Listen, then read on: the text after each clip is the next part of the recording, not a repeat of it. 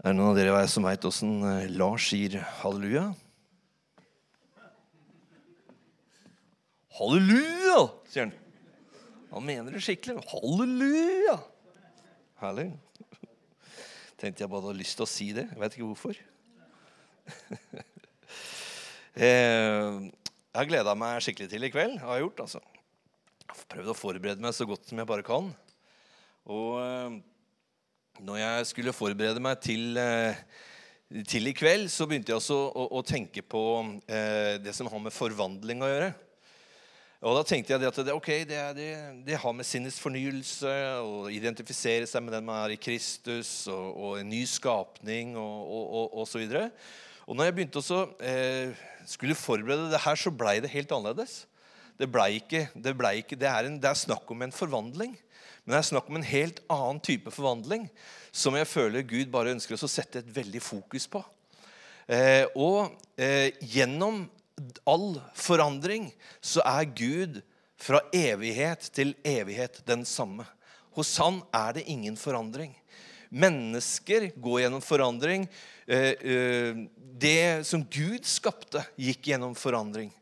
Gud, eh, når, når, Gud skaper verden og mennesket som han skaper i sitt bilde, så er hele skaperverket fullkomment og overmåte godt. Men det som skjer etter syndefallet, det skjer en forandring. Og jeg kan forestille meg det at basiller og viruser var ikke ment for å skade mennesket. Men etter syndefallet så angriper basiller og, og viruser mennesker og gjør dem sjuke. Det var ment til noe helt annet enn det. Det var ment til å skape liv. Rovdyr kommer etter syndefallet og begynner å spise andre dyr. Eh, sikkert fordi at eh, etter syndefallet så trenger man proteiner. jeg vet ikke. Vi mennesker var, var skapt til å spise bare grønnsaker. vi. Det var det vi i utgangspunktet skapt til å spise. Skapt til å spise eh, frukt og grønnsaker. Men etter syndefallet så kanskje vi trengte mer proteiner.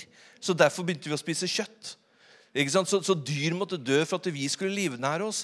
Etter syndefallet så ble jorden sånn at den bar bare fram torner og tistler. Sånn at eh, Adam måtte arbeide med jorden på en helt annen måte enn det var ment til utgangspunktet. Edens hage skulle bære fram frukt for han som han kunne bare spise og nyte av. Det skjer en forandring i det fullkomne skaperverket til Gud. En endring skjer. Mennesket lever i utgangspunktet i Guds skaperverk i, eh, i en harmoni av uskyld og renhet. Og Gud gir dem råderett over alt han har skapt. Mennesket lever i Herrens frihet, og de legger jorden under seg. De er fruktbare, full av skaperens kraft og lys. Og livet de har fått ifra Herren, det er det som er deres lys. Men så kommer slangen inn og forfører mennesket til å tro at Gud har holdt noe tilbake fra dem. Mennesket har fått et bud ifra Gud som sier 'spis ikke av det treet der'. Alle trærne i hele hagen kan dere spise av, men det treet der får dere ikke lov til å spise av. Han ga faktisk ikke noe forbud å spise fra livets tre. Så mennesker kunne spise av livets tre hvis de, hvis de ville. Men de gjorde ikke det, da. Jeg vet ikke hvorfor. Ja, vi får nok svar på det en gang. Men det gjorde ikke det. Men djevelen kom inn og forførte mennesket til å se på kunnskapens tre som noe som var godt. Forbudet mot Gud ble plutselig forlokkende. Og, og, og, og, fordi han hadde sagt djevelen, han presenterte sin løgn og sa det har Gud virkelig sagt at dere ikke kan spise av noen trær i hagen. Og han er så lur, vet du, for da får mennesker fokuset på det de ikke skal fokuset på. Nei, sier de, men det treet der Og bang, der er de der hvor djevelen vil de skal være. Få fokus på det som ikke er lov. Få fokus på det. Hvorfor det? Jo, for da vekkes det noe. Så begynner han å ljuge, og så sier han det at det, for, for, Mennesker sier vi får ikke spise av det treet, for da dør vi. Nei da, dere skal slettes ikke dø. Han presenterer Gud som en løgner. Han sier at Gud ljuger til dere. Og så sier han det at det, hvis dere spiser av treet, så blir dere som Gud. De er jo allerede som Gud. De er jo skapt i hans bilde. Så han får dem til å se at vi mangler noe. Og plutselig så blir dette treet godt å se på. Før dette her så brydde de seg ikke om treet. Jeg hadde ikke noe fokus på treet i det hele tatt. Men når djevelen kommer og ljuger, så får en fokus på det treet.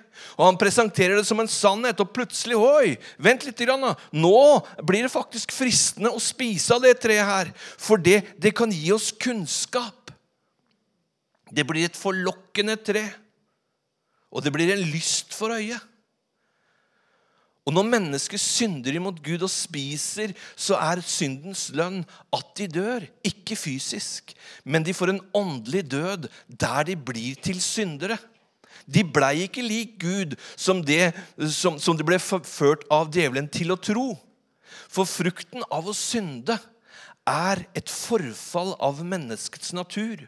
Og lønnen til synden er separasjon fra den intimiteten de har med Gud.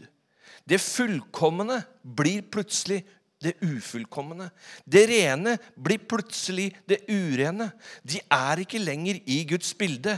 De har gått fra å være hellige og feilfrie og uangripelige til å bli syndere, urettferdige og falne. Tenk deg for en endring de opplever. Tenk deg så forferdelig å leve i det nærværet av Gud og plutselig være separert fra det nærværet fra Gud. Tenk deg så fælt det må være.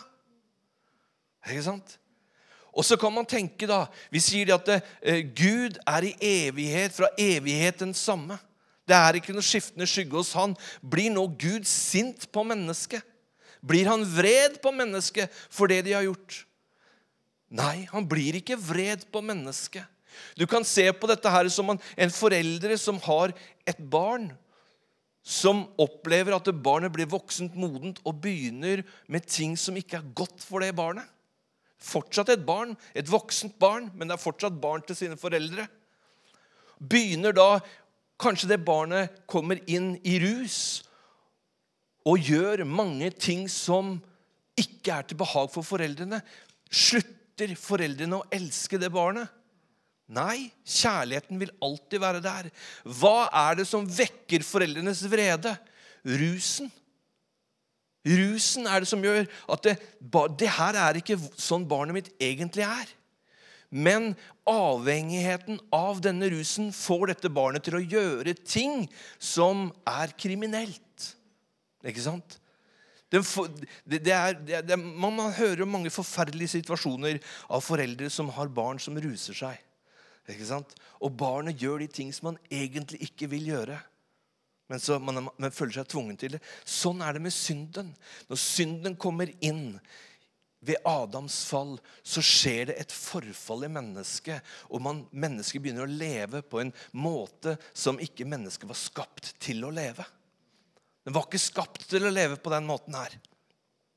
Og Gud blir ikke sint på mennesket, men hans vrede er imot synden og den uretten som undertrykker mennesket. Og det vil han gjøre noe med. Og Derfor sender han Jesus til verden, ikke for å dømme verden. Han dømmer ikke disse, men han kommer for å gjøre opp. Han kommer for å frelse verden ved Jesus. For Guds frelsende nåde er åpenbar for alle mennesker. Og Guds vilje er at alle mennesker skal bli frelst og komme til sannhetserkjennelse. Nå må Gud løse det kaos som, kaoset som Adam har forårsaka. Og det fundamentet som Gud bruker for å løse opp i dette, det er kjærlighet. For Gud er kjærlighet. Når Gud tar tak i de tingene som Adam har forårsaka, så gjør han det med tålmodighet. Han gjør det i velvillighet. Han har sin glede i sannhet. Hans kjærlighet, den utholder alt. Den tror alt, håper alt og tåler alt. Guds kjærlighet, den tar aldri slutt. Det er ikke i sinne når Gud forklarer Adam og Eva de selvpåførte konsekvensene som kom av deres misgjerninger. For Gud blir ikke sint på dem fordi kjærligheten den blir ikke krenket. Kjærligheten søker ikke sitt eget. Den er ikke oppfarende og gjemmer ikke på det onde. Denne kjærlighet er selve grunnen til all samhandling som Gud har med mennesket etter Adams fall. Og Gud har en frelsesplan klar med en gang Adam synder. Og dens frelsesplan er at han vil gjenopprette alt i Kristus. Jesus skal knuse slangens hode og gi tilbake det falne mennesket Guds rettferdighet. Mennesket ble skapt av Guds ord som en bilde av Gud, og han skapte dem til mann og kvinne.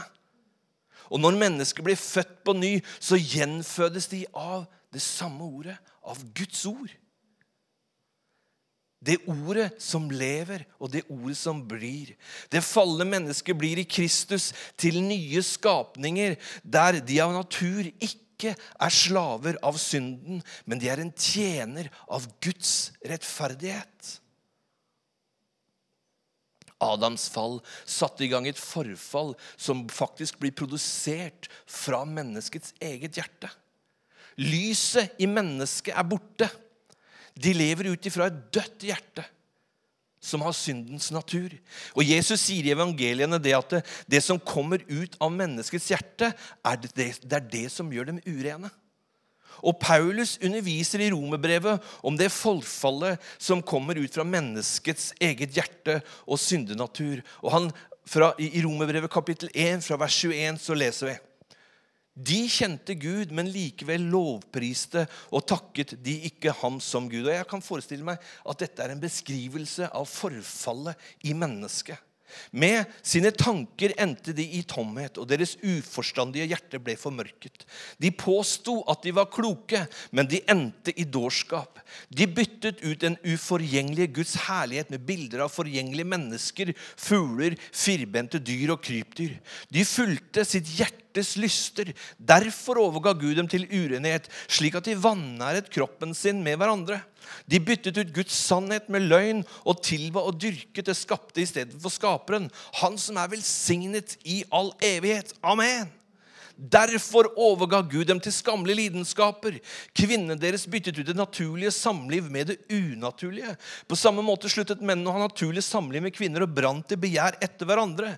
Menn drev utukt med menn, og de måtte selv ta straffen for sin villfarelse. De brydde ikke de brydde seg ikke om å kjenne Gud. Derfor overga Gud dem til en sviktende dømmekraft, så de gjør det som ikke sømmer seg. Det er veldig viktig å forstå at Gud ga dem ikke dette, men han overga dem til dette. Det kom ut ifra deres hjerter. Det står det at de fulgte sitt hjertes lyster. Derfor overga Gud dem. Det står det at Gud overga dem til skammelige lidenskaper, og det står det at Eh, eh, at, eh, at, de fikk en Gud overga dem til en sviktende dømmekraft. Dette er det som kom ut av menneskets syndige natur. Og det skapte et forfall i mennesket. Og Gud kan man tenke, Hvorfor gjør ikke Gud noe med det? Nei, Gud kunne ikke gjøre noe med det. Fordi han hadde gjort råderett til mennesket på jorden. Det var kun mennesker som kunne utføre noe på jorden. Gud kunne bare så bare ferdig med alt sammen hvis han ville. Og, gjøre noe med det. Men Gud går ikke imot seg selv. Gud går ikke imot de ordninger han har satt. Derfor kunne, siden det var bare et menneske som kunne gjøre noe med det, så måtte Gud komme som et menneske for å gjøre noe med det. Og Derfor sendte han sin sønn Jesus Kristus for å gjøre noe med denne synden som ødelegger og undertrykker mennesket. Og Vi leser videre hva som skjer med mennesket. De er fulle av slags, all slags urett, umoral. Det her er ikke lystig. Det kommer til å bli mer lystig etter hvert. altså bare så hold ut. Det er ikke lystig. Jeg veit det bare, å, så fantastisk, Gud er god. Men ikke sant? det er bare å forklare litt om forfallet i mennesket. De er fulle av all slags urett, umoral, grådighet, ondskap, full av misunnelse, mordelig strid, svik, falskhet. De farer med sladder og baklengs, hater Gud, bruker vold, er overmodige og brautende. De pønsker ut ondskap og er ludige mot foreldre. De er uforstandige, upålitelige, ukjærlige og ubarmhjertige. er ikke bra. De vet hva Guds lov sier, at de som gjør slik, fortjener å dø. Hæ? Vent litt. Grann. Gjør slikt, fortjener å dø. Hva mener du? Du vet at eh, det å være misunnelig da, Rent sånn samfunnsmessig da, I Norge så blir ikke bura inne for å være misunnelig. Du blir bura inne hvis du dreper et menneske, eller hvis du snyter på skatten, eller at du ikke ja, ja, ikke Hvis du gjør kriminelle ting, så havner du i fengsel, som regel. Hvis du ikke har en veldig god advokat. Elden, f.eks. Da kan du slippe unna det meste. Eh, men, men, men, men, men, du blir ikke bura inne ved å være misunnelig eller hvis du er falsk eller hvis du hater Gud. I hvert fall ikke hvis du hater Gud. Da kanskje de jubler for deg. Men sant, er du brautende eller du er ulydig mot foreldrene eller ukjærlig, ubarmhjertig, du blir ikke bura inne for det. Mange sier at ja, men jeg er jo et godt menneske. Ja, du er kanskje et godt menneske. Du kan være et godt menneske sånn og sånn, men, men, men hva er det som gjør deg til et godt menneske? Hvilken, hvilken, hvilken rettferdighet er det du måler deg ut ifra? Måler deg ut ifra det rettferdigheten som samfunnet sier om rettferdighet? Eller måler du da hvem er det, Hvilken rettferdighet er det Gud bruker når han måler oss for å få se om vi er gode mennesker? Hvis når han bruker sin rettferdighet så finnes ingenting av det vi har lest nå, i Gud. Ingenting av det er i Gud. Men det er et forfall i mennesket, og han sier at de som gjør slikt, fortjener å dø. Uh! Og da er, det, ute med oss alle mann. Da er det sånn at ingen av oss fortjener frelsen i det hele tatt. Ingen kan skryte av at vi er gode. Nei, vi er ikke det. Og loven ble gitt for oss å vise oss hvor stort dette fallet vårt ble. Mm. Loven som, bevitne, som bevitner Guds rettferdighet, viser bare at når vi måler oss opp imot Gud, og vi skryter av oss sjøl, så kommer vi ikke opp til skosåla til Gud engang. Vi har ikke sjans i havet. Og Derfor trenger vi en frelser som kan hjelpe oss, som kan endre på denne naturen her.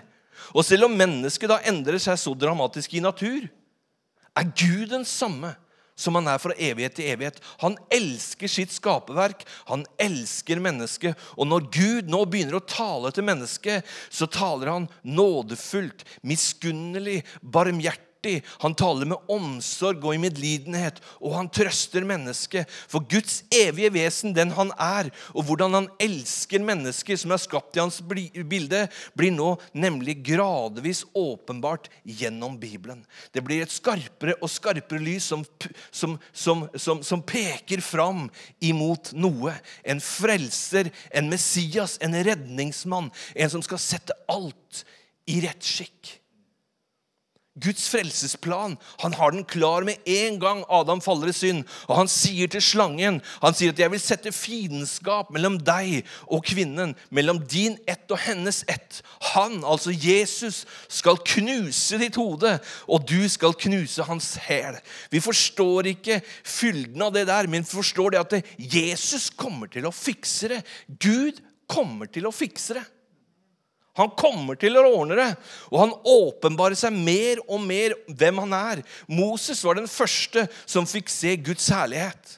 Den første mannen som Gud åpenbarer sin herlighet for. Men han sa, 'Moses, du kan ikke se ansiktet mitt, for hvis du ser ansiktet mitt, så kommer du til å dø.' Ingen kan se mitt ansikt, sier Gud, og leve. Ingen mennesker kan det. Men du skal få se min herlighet bakfra. Så Gud er så nådig og barmhjertig, så han dekker over Moses. Der Moses står i en kløft. Han dekker over Moses, og så når han går forbi, så svisker han ikke ut sin herlighet. Nei, det står i 2. Mosebok kapittel 34 fra vers 67 så står det Herren gikk forbi ham og ropte. Herren er Herren, en barmhjertig og nådig Gud, sen til vrede og rik på miskunn og sannhet. Han holder fast på sin miskunnhet i tusen slektsledd og tilgir synd, skyld og lovbrudd. Jeg sa det kom til å bli bedre. ikke sant? Det ble litt mer lystigere nå. ikke sant? Det, liksom, dette er Gud. Sånn har han vært fra evighet til evighet. For Gud endrer seg ikke. Hans natur endrer seg ikke. Hans frelsesplan er den samme. Men allikevel så sier han, da, for han har åpenbarer seg til, eh, til Moses under loven, så sier han, men han lar ikke den skyldige slippe straff. For fedrenes synd straffer han barn og barnebarn og tredje og fjerde slektsledd. Før, du skjønner, før loven kom, så ble ikke synden tilregnet mennesket. Og vi kan se dette, hvordan Abraham gjør mange dumme ting, men det kommer ikke noe straff der. Han blir faktisk ofte mer velsigna når han gjør dumme ting. Jakob han, han, han, ordner og fikser og trikser og mikser, og Gud er med og, og bare velsigner han og forøker hans, hans, hans rikdom. ikke sant? Han er med hele veien. Og vi ser det når Israel kommer ut av fangenskap. De tar med seg hele rikdommen fra Egypt. alt sølvet og alt gulvet. Gulvet. Alt sølvet og alt gulvet. Nei, gullet. Det, de, de, for at Gud sier det, Bare be om penger, liksom. Be om penger, be om pengene deres, be om rikdommen deres. Og de var så lei av disse plagene, så de orka ikke mer. Ja, ta alt, bare forsvinn. Dra, her, vi orker ikke mer, bare ta alt. Og de tok alt og dro av gårde. Med masse rikdommer. Og de kommer ut i ørkenen og syter og klager og mi, mi, mi, mi, mi, mi. Og de bare Gud er med og velsigner og gir dem mat og vann og sa, slapp av, dette ordner seg, dette går bra. Helt fram til loven kommer. Da plutselig blir det avstand mellom Gud og mennesket igjen. Hvorfor det? Jo, fordi at før loven så blir ikke synden tilregnet mennesket. Men når loven kommer, så må også Eller når Gud under loven åpenbarer seg for Moses, så må han også forklare bokstavens tjeneste for mennesket. Samtidig som Gud åpenbarer sin herlighet for Moses, forklarer han også at den skyldige må etter lovens krav om rettferdige bli straffet. På samme måte som Gud forklarte Adam i Edens hage konsekvensen av Adams synd, viser Gud gjennom loven hvor stort fallet til mennesket ble. Men der synden ble stor, ble Guds nåde så uendelig mye større. I Kristus Jesus så er denne nåden så ufattelig stor. Selv om loven viser oss hvor, hvor, stort fallet er blitt, så er nåden i Kristus så uendelig mye større enn det. Og Skriften peker hele tiden fram imot en frelse som skal komme og frigjøre mennesker fra dommen som kom med synden. Og Vi leser f.eks. kong David, som levde i, i år ja, 1055. Har jeg bare googla og funnet ut av. Ikke det at jeg er så veldig smart. Google er smart. Der fins det masse svar. Nå har du AI som du kan spørre. Vi får se åssen det går. Det er spennende, spennende tid vi lever i. Eh, og Den profetiske ånd var over denne kongen eh, David. Og han skrev profetiske sanger om frelseren som skal komme, om Kristus. Og han skriver om forsoningen. F.eks. For i Salme 2, vers 7, så skriver han 'Du er min sønn, jeg har født deg i dag'.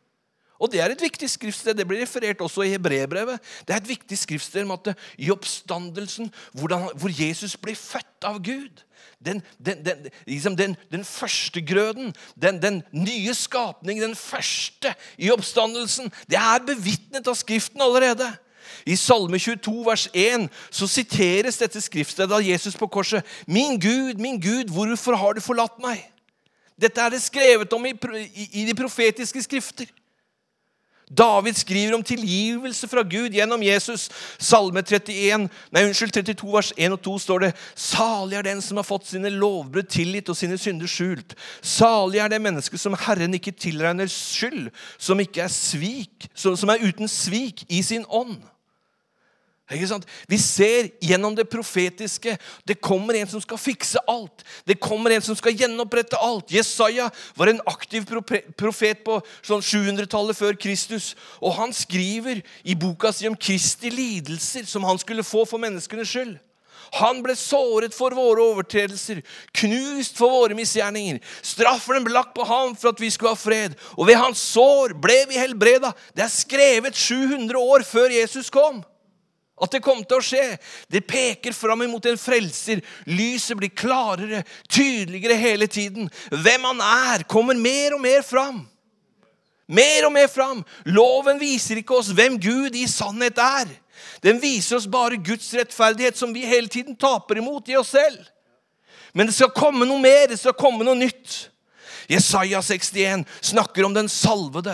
Herrens, nei, Herrens Guds ånd er over meg for han har salvet meg, han har sendt meg for å forkynne et godt budskap for hjelpeløse, for å forbinde den som har et knust hjerte, rope ut frihet for den som er i fangenskap, og frigjøring for den som er bundet.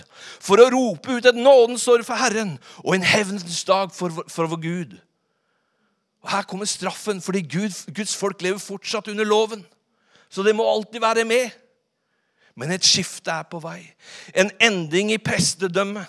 En endring av loven som skal føre Guds folk frem til fullendelse. Det står faktisk i Hebrebrevet kapittel 7 vers 19 så står det at loven førte jo ikke noen fram til fullendelse. Men nå kommer noe bedre. Et håp som gjør at vi kan komme Gud nær. Gud gir oss livets ånds lov i Kristus Jesus, som frigjør oss ifra syndens og dødens lov.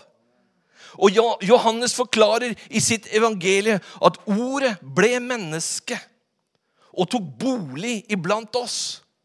Og vi så hans herlighet. En herlighet som den enbårne sønn har fra sin far, full av nåde og sannhet. For loven ble gitt ved Moses. Nåden og sannheten kom med Jesus Kristus. Denne sannheten kan også oversettes virkelighet. Så virkeligheten om Guds nåde blei åpenbart gjennom Jesus Kristus. Verden hadde ikke sett den før. Den det var bare noe som blei omtalt i Skriftene. Noe som de, de gamle profetene lengta etter å se, se inn i. De lengta etter det, og plutselig er det der. Det som profetene har lengta etter, det som har talt etter, plutselig er det der. Jesus kommer, og han bringer med seg et stort skifte. Det ble et stort skifte i forkynnelsen om Guds rike. Evangeliet kommer, det gode budskapet. Og Det starta nemlig med døperen Johannes. For Jesus forklarer det i Lukas 6, 16. Så sier han det at loven og profetene hadde sin tid. Og det er viktig. Det hadde sin tid frem til Johannes. Der stanser det. Vi skal ikke dra med oss loven og profetene inn i det nytestamentlige livet med Gud. Vi skal ikke det. Det hadde sin tid. Og loven og profetene viser bare en skyggebilde av de godene som skulle komme med Jesus Kristus. Og han sier fra da av forkynnes det gode budskap om Guds rike. Alle trenger på for å komme inn, sier han. Og det er noe nytt på gang som er gitt fra himmelen. Noe som Gud hadde planlagt allerede fra Edens hage, der han sier at kvinnens ett skal knuse slangens hode. Herlighetens herre er på plass. Den salvelse som helbreder alle som er undertrykt av djevelen, er på plass. Og Jesus står fram i en synagoge for å tale, og mens han leser fra Skriften, oppfylles nemlig de profetiske ordene som er skrevet i boken til Jesaja. Tenk deg så fantastisk! Jesus står fram, og når han, mens han lever så oppfylles de profetiske skriftene. Når han gjør sine gjerninger, så oppfylles det som er profetert om hva som skal komme. Og han står der, og han leser fra Jesaja. Og han sier da, 'I dag er dette skriftordet blitt oppfylt mens dere hørte på', sier han til de i synagogen. Og det var dette. Herrens ånd er over meg. Tenk deg, han sier det. Han står der, og han sier, 'Herrens ånd er over meg'. Woohoo! For han har salvet meg til å forkynne et godt budskap for fattige.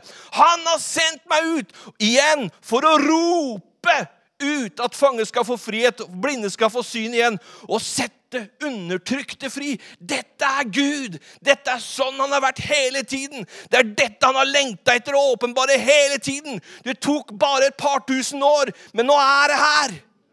Nå er det her! Det er kommet til denne jorden. Ordet ble menneske, og han bar med seg en herlighet fra Gud. Nådens virkelighet kom for å vise oss mennesker hvem vår far er. Hvem den gode guden er. Hvor høyt vi, elsket, hvor høyt vi er elsket av ham. Og han sier å rope ut et nådens år fra Herren. Og han stopper der. Han tar ikke med seg hevnens dag fra vår Gud.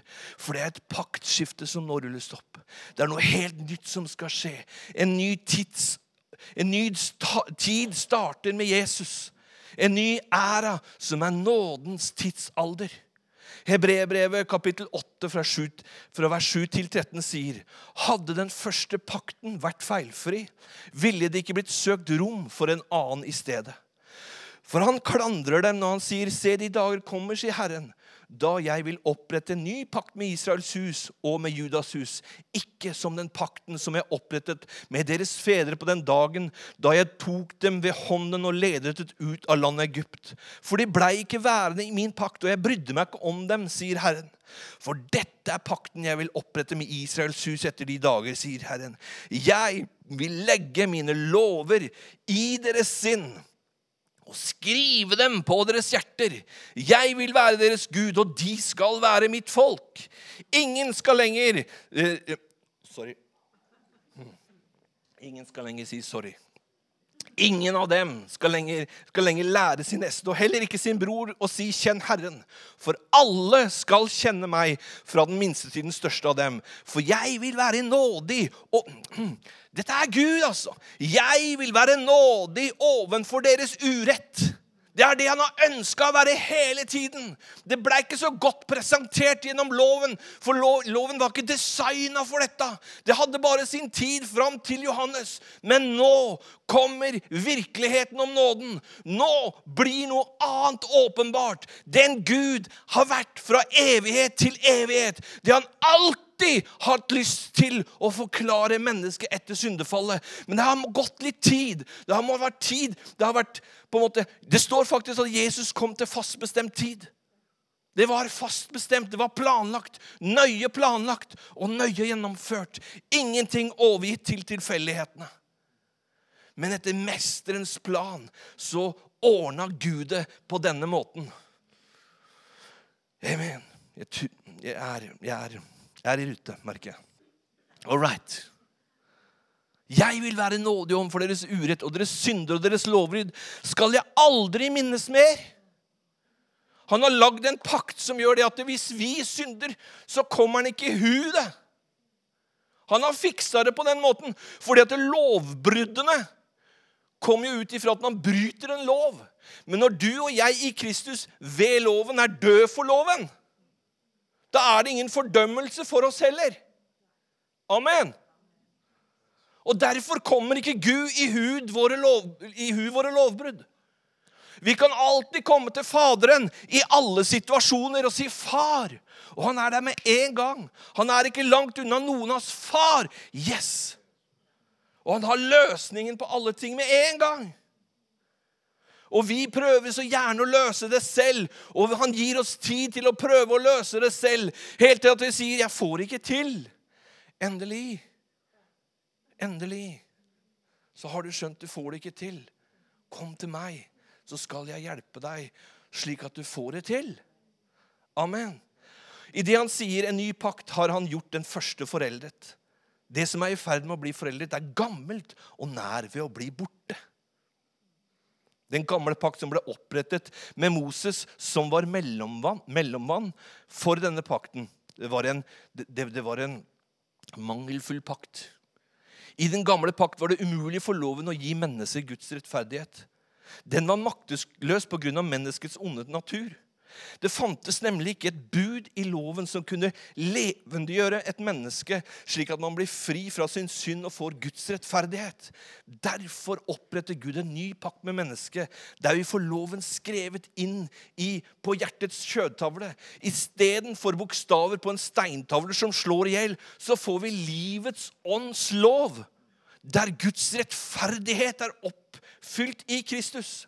Og denne loven frigjør oss fra syndens og dødens lov, som gjør at vi ikke lever under fordømmelse som kom av dommen ved at synden kom inn i verden ved Adam.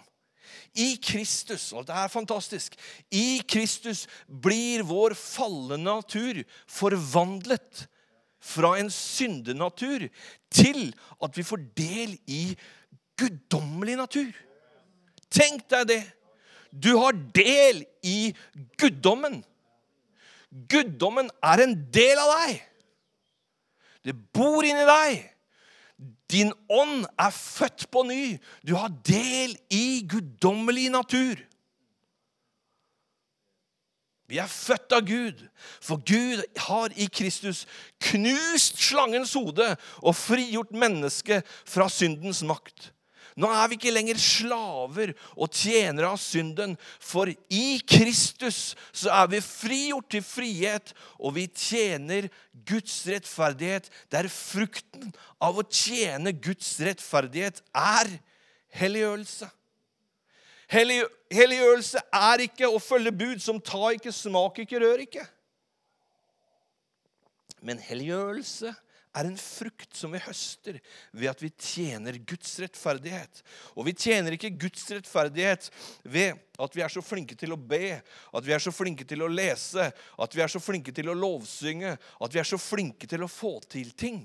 Vi tjener Hans rettferdighet fordi vi tror. Det er derfor vi tjener hans rettferdighet. Og fordi vi tror, så virker Gud i oss til å ville og virke etter hans gode behag. Fordi vi tror, så fins det en vilje i oss som gjør det at hvis vi gjør de tingene som vi gjorde før vi ble frelst, så skammer vi oss over det. Og vi kjenner nei, dette vil jeg ikke gjøre mer. For noen av oss da, så går man gjennom prosesser som tar lang tid. Og for noen av oss så trenger Gud å bruke tid på å endre. For det er ikke bare det at det, på en måte, skrøpelighet og den falne naturen den kan bli skrudd sammen på en litt sånn rar måte. Det heter tankebygninger og festningsverk. Ikke sant? Og i tankebygninger og festningsverk som reiser seg opp om kunnskapen om Gud, på noen av områdene av livet vårt, så trenger Guds hammer å slå og slå og slå helt til det faller. Og det kan i noen tilfeller ta tid. Og vi kan bli utålmodige og frustrerte, men Guds kjærlighet tror alt, håper alt, utholder alt. Han utholder prosessen som du går gjennom. Han tåler det. Han faller ikke av tronen. Han sitter støtt, han. Ikke sant? Men han tåler Han har tid. Han har tid. Han har tid til at du klarer det og kommer deg gjennom. Og når vi har kommet oss igjennom, så er det ikke sånn at nå klarte jeg det. Det blir mer sånn Å, Gud. Fordi at helliggjørelsen er en frukt. Det blir Man sier bare 'Å, tusen takk, far, for du har fridd meg også ut ifra dette'. Jeg trodde faktisk ikke det var mulig. De trodde Skal vi se Ja. Fem minutter. Jeg trodde ikke det var mulig. Jeg har opplevd en forandring av Gud i mitt indre. Jeg levde i mange år i engstelse og frykt og styrt og kontrollert av det. Jeg var undertrykt av det i mange, mange år. Og jeg tenkte, hvordan skal man komme løs? Og jeg fighta imot. Og dess mer jeg fighta imot det, det verre blei det. Sto imot i Jesu navn. Jeg befalte denne ånden å vike Jesu navn. Det ble bare verre og verre og verre. Ingenting hjalp. For jeg, jeg, men Gud i sin nåde han viste meg gjennom, gjennom ordets forkynnelse som jeg tok imot, og gjennom å lede meg til Skriftene, så viste han meg ting som gjorde at jeg kunne bryte ut ved det ord, ved den åpenbaring, bryte ut av de tingene som undertrykte meg. Og jeg må være ærlig og si når jeg, når, når jeg siterte Jesaja, som sier det at du, du skal ikke frykte, for jeg er din Gud så kjente ikke jeg at det var sant. Fordi at jeg føyk rundt og frykta. For meg da, rent følelsesmessig, så var, det, var, så var det ikke ren virkelighet. Men det var et håp for meg. Det var et håp som talte til meg. Frykt ikke, for jeg er din Gud. Vær ikke engstelig, for jeg er med deg. Jeg hjelper deg, jeg styrker deg, jeg holder opp med min rettferds hånd. Jeg dykka inn i det her dag etter dag etter dag. Jeg sto opp før alle andre for å sitere disse skriftstedene for meg sjøl, for å dykke inn i det. Og etter tid så begynte dette her å bære frukt i mitt liv. Ikke fordi at eh, det ikke allerede var etablert i Gud, for det er det jo. Men oppi huet mitt så måtte Gud bruke sin hammer og slå og slå og slå og knekke den frykten og årsaker og grunner til den frykten. Og så, vet du hva, dette her er ganske dumt. Men jeg opplevde Gjennom å gå gjennom dette her med frykt og engstelse, engstelse så kom det bi, biprodukter av det. Jeg ble livredd for mørket. Hvis det ble helt mørkt, så fikk jeg panikk. Jeg hadde det litt fra før også, men det bare forsterka dette. Jeg fikk helt fullstendig panikk. Jeg måtte ut for å se noe lyst, for jeg ble livredd for at jeg skulle bli blind. Ikke sant? Så når det ble helt mørkt, så ble det ble helt sånn Hvis jeg våkna på natta det var mørkt i rommet, og jeg måtte få opp mobilen så jeg fikk sett litt lys, eller jeg måtte åpne opp døra så jeg måtte få litt lys inn, for fikk jeg litt lys åh, da, da kunne jeg roe meg ned. Og så tenkte jeg Gud, du må også hjelpe meg med dette. Du har fridd meg fra denne frykten. Det kan ikke være sånn at jeg, måte, jeg må ut av det her òg. Og så kan jeg ikke helt forklare hva som skjedde. Men en natt så våkner jeg, og det er helt mørkt. Det er ikke noe panikk der. Det er borte. Bare hva som har skjedd, er det? Nei, det er min kjærlighet da, som driver frykten ut av livet ditt. Hva? Ja, hva er det som har skjedd? Nei, du har blitt mer etablert i min rettferdighet. Det er frukten av det. Det er bare sånt som skjer, det, sier Herren. er bare en frukt av å være frelst. Du blir fri. Så når jeg våkner på natta nå, og det er bekmørkt, så blir jeg glad. Jeg tenker takk, Herre, så god du er. Det er helt banalt, det er helt tullete, men det er bare sånn det er. Det var deilig for meg, da. Helt uforståelig for kona mi, som aldri har vært redd for mørket. Det er det for noe greier? ikke sant? Men for meg ikke sant, så, så, så, så, var det fint. Det var herlig. Tusen takk. altså. Og Sånn er det på, på, på mange andre områder òg. Vi var på, Escape Room på fredag. Det var ikke noe gøy til å begynne med. For da har du de andre tingene som da girer seg. Døra skal bli strengt og inn i et rom. Så får du klaustrofobien. da. Ikke sant? Men, men så tenker jeg jeg må takle det. Så jeg juksa litt. da, så Jeg ringte og så sa ifra kan dere holde døra åpen. liksom, så, så ble det litt sånn der. Men jeg kjente det når gikk ned dit. Uff, ned i gangene så kjente jeg bare uff, Kjære Gud, altså. Men halleluja, jeg er fri. Jeg er fri. Vi går inn her. Her skal vi ha det gøy. I Jesu navn. Og det som er fantastisk, at Man blir så opptatt av oppgaven så man glemmer alt sammen. Så det var bare fullt fres, og vi dro full fres. eller hva man sier. Det var fullt trøkk, og vi hadde det kjempegøy. Vi krangla bare lite grann. Men ellers så var det, Vi fikk faktisk ros da, av hun som kom ned. og synt, hun synt, For de følger jo med. med ikke sant? Hun syntes at vi krangla veldig lite. Så det, det var bra. Ok, nå roter jeg meg bort, folkens. Men vår frelse er en klippe. Det her tar fem minutter, så er vi ferdige. Går det greit? Vår frelse er en klippe som står fast i evig tid. Den er uforanderlig. Den er urokkelig. Den er en festning, et anker for vår sjel. Og det var en slik frelse vi trengte. En frelse som ikke hviler på bud som, eh, og regler som må følges, men en frelse som står fast til evig tid, som er Guds eget verk for oss på Golgata kors. Der hvor han gjenoppretter det falne eh, eh mennesket i Kristus og gjør oss igjen hellige, feilfrie og uangripelige. Gud fullfører sin frelsesplan på en mesterlig måte gjennom Jesus Kristus på Golgata kors. Og hans død, hans liv og oppstandelse, som de profetiske skriftene vitner om, de er nøye dokumentert gjennom evangeliene til Matteus, Markus, Lukas og Johannes.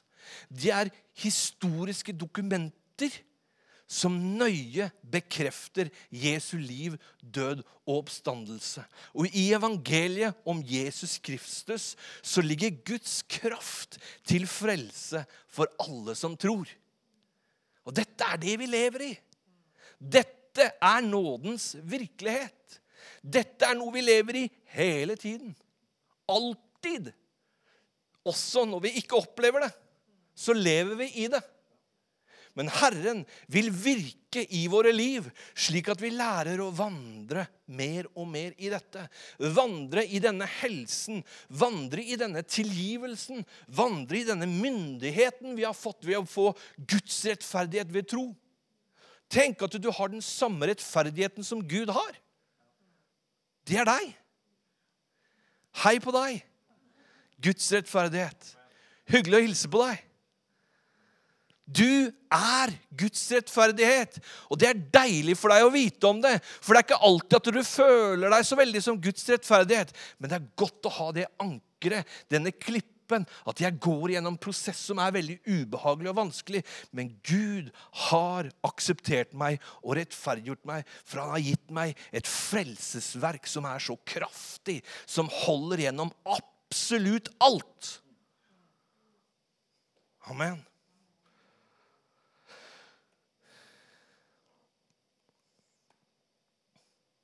Gjennom alle prosesser, både de gode og de vanskelige prosessene som går gjennom i våre liv, er Gud nær alle de som påkaller hans navn. Hans ord er i våre hjerter, og hans ord er i vår munn. Så nær er han. Du kommer liksom ikke mer, Det blir ikke mer intimt enn det. da. Du kommer liksom ikke nærmere enn det. Hvor er du, Gud? Her. Her er jeg. Bli kjent med meg. Bli kjent med ordet mitt. Bli kjent med hva jeg sier om deg. Bli kjent med den herligheten som Jesus presenterte for deg, som er veldig godt forklart gjennom, gjennom brevene. Den nye skapningen som Paulus underviser om. Bli kjent med det. Amen. Han har gjennom Skriften åpenbart sin herlighet for oss. Og han er her nå med sin kraft for å helbrede. Han er her nå med sin kraft for å løse ut. Han er her nå med sin kraft for å sette fri. Han er her, som du åpna med. Han sa, 'Der hvor to eller tre er samla i hans navn, der er han midt iblant dem.' Her, nå. Amen. Han tilgir, han trøster, han gjenoppretter. Hvorfor det? Jo, for Herren er Herren en barmhjertig og nådig Gud, sen til vrede og rik på miskunn og sannhet. Han holder fast på sin miskunn i tusen slektsledd. Det er vel 40 000 år, det, da. Tusen slektsledd. Han tilgir synd, skyld og lovbrudd. Det er sånn han er. Kommer alltid til å være sånn. Han er ikke sinna på mennesker. Han er ikke ute etter å ta mennesker. Han sendte Jesus for å frelse mennesker, ikke for å dømme. Og han kom, og han sier, 'Du som strever og bærer tunge byrder, kom til meg, så skal jeg gi deg hvile for din sjel.' For det er strevsomt for sjela vår. Det er der han vil gi deg hvile fra dine gjerninger. Amen. Amen. Skal vi bruke bare litt tid? Kan vi bare reise oss opp? Så bruker vi bare et par minutter nå på slutten. Vi kan gjerne spille litt eh, på litt musikk. Litt sånn salva musikk. vet du. Sånn at Guds ånd beveger seg. For uten det så vil ikke Gud røre, gjøre noen ting. Det er bare for at vi skal bare sette fokuset. Amen, Herre. Han er her. Han er her nå. Han er her med sin kraft for å helbrede. Han er her med sin kraft for å løse ut. Han er her med sin kraft for å sette fri. Amen. Han er her nå, midt iblant oss. Han er ikke langt unna. Han er nær deg, i ditt hjerte og i din munn. Det er der han er. Amen. Så vi priser deg, Herre, fordi du er her. Du er her med ditt nærvær. Du er her med ditt ord. Du er her i ditt navn, Herre. Og vi takker deg for din nærhet. Vi takker deg, Herre Jesus, fordi du med din kraft er den som frigjør oss, Herre Jesus. Du løser oss ut av all form for undertrykkelse, av all form for engstelse, av all form for, for, for, for motløshet og plage, Herre. Du løser oss ut, Herre, og du helbreder oss fra alle typer plager. Fordi du har allerede tatt det på deg på Golgata kors. Herre, vi takker deg for ditt nærvær. Vi takker deg for din styrke. Og vi takker deg, Herre, for hva du gjør i våre liv, Herre. Vi priser og ærer deg for det. Og mens vi står her, så vil jeg bare spørre om det er noen som bare kjenner mm, jeg trenger litt hjelp akkurat i den situasjonen jeg er nå. Jeg trenger litt sånn derre statkabler. Jeg tror Gud, og jeg tror at Gud er med meg. Jeg er overbevist om det, men akkurat nå så hadde det vært deilig med litt støtte. Det hadde vært deilig med litt forbønn. Det hadde vært deilig hvis noen kunne stå med. Så hvis du er i en situasjon akkurat nå hvor du trenger dette her, at Herren helbreder, løser ut eller setter fri, så ønsker vi veldig gjerne å hjelpe deg og be for deg og velsigne deg og støtte deg. Og hør, jeg blir ikke skuffa hvis ingen rekker opp hånda, men hvis noen rekker opp hånda, så blir jeg veldig glad. For da betyr det at det, da er denne kvelden din kveld. Det er denne kvelden ditt møtepunkt med Gud. Det er denne kvelden hvor du får litt sånn derre startkabelhjelp. Amen. Hvor at vi kan be litt sammen. Så hvis vi bare lukker øynene alle sammen, så vil jeg gjerne spørre er det noen her som trenger den hjelpa? Er det noen som ønsker den forbønnen? Så bare rekk opp din hånd. Gud velsigne deg. Gud velsigne deg. Amen. Halleluja. Amen. Er det flere som ønsker den forbønnen, så er tiden nå. Han vil at være Gud velsigne deg også. Han vil være med deg også. Hvis du ikke, rekke, hvis du ikke tør å rekke opp hånda, så er han med allikevel. Amen. Det er ikke sånn at det er et være eller ikke være, men akkurat nå så tror jeg det er noe fra Gud. Her og nå. Gud vil velsigne. Er det noen flere? Ja, Gud velsigne deg. Gud velsigne deg. Er det flere da? Amen. Så vil jeg utfordre deg, hvis du ønsker, kom fram, så vi kan legge hendene på deg.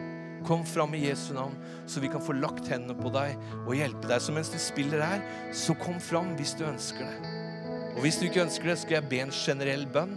Men hvis du kjenner mm, yes, legg hendene og be for meg. Så Jesu navn, vær så god, kom fram hvis du vil.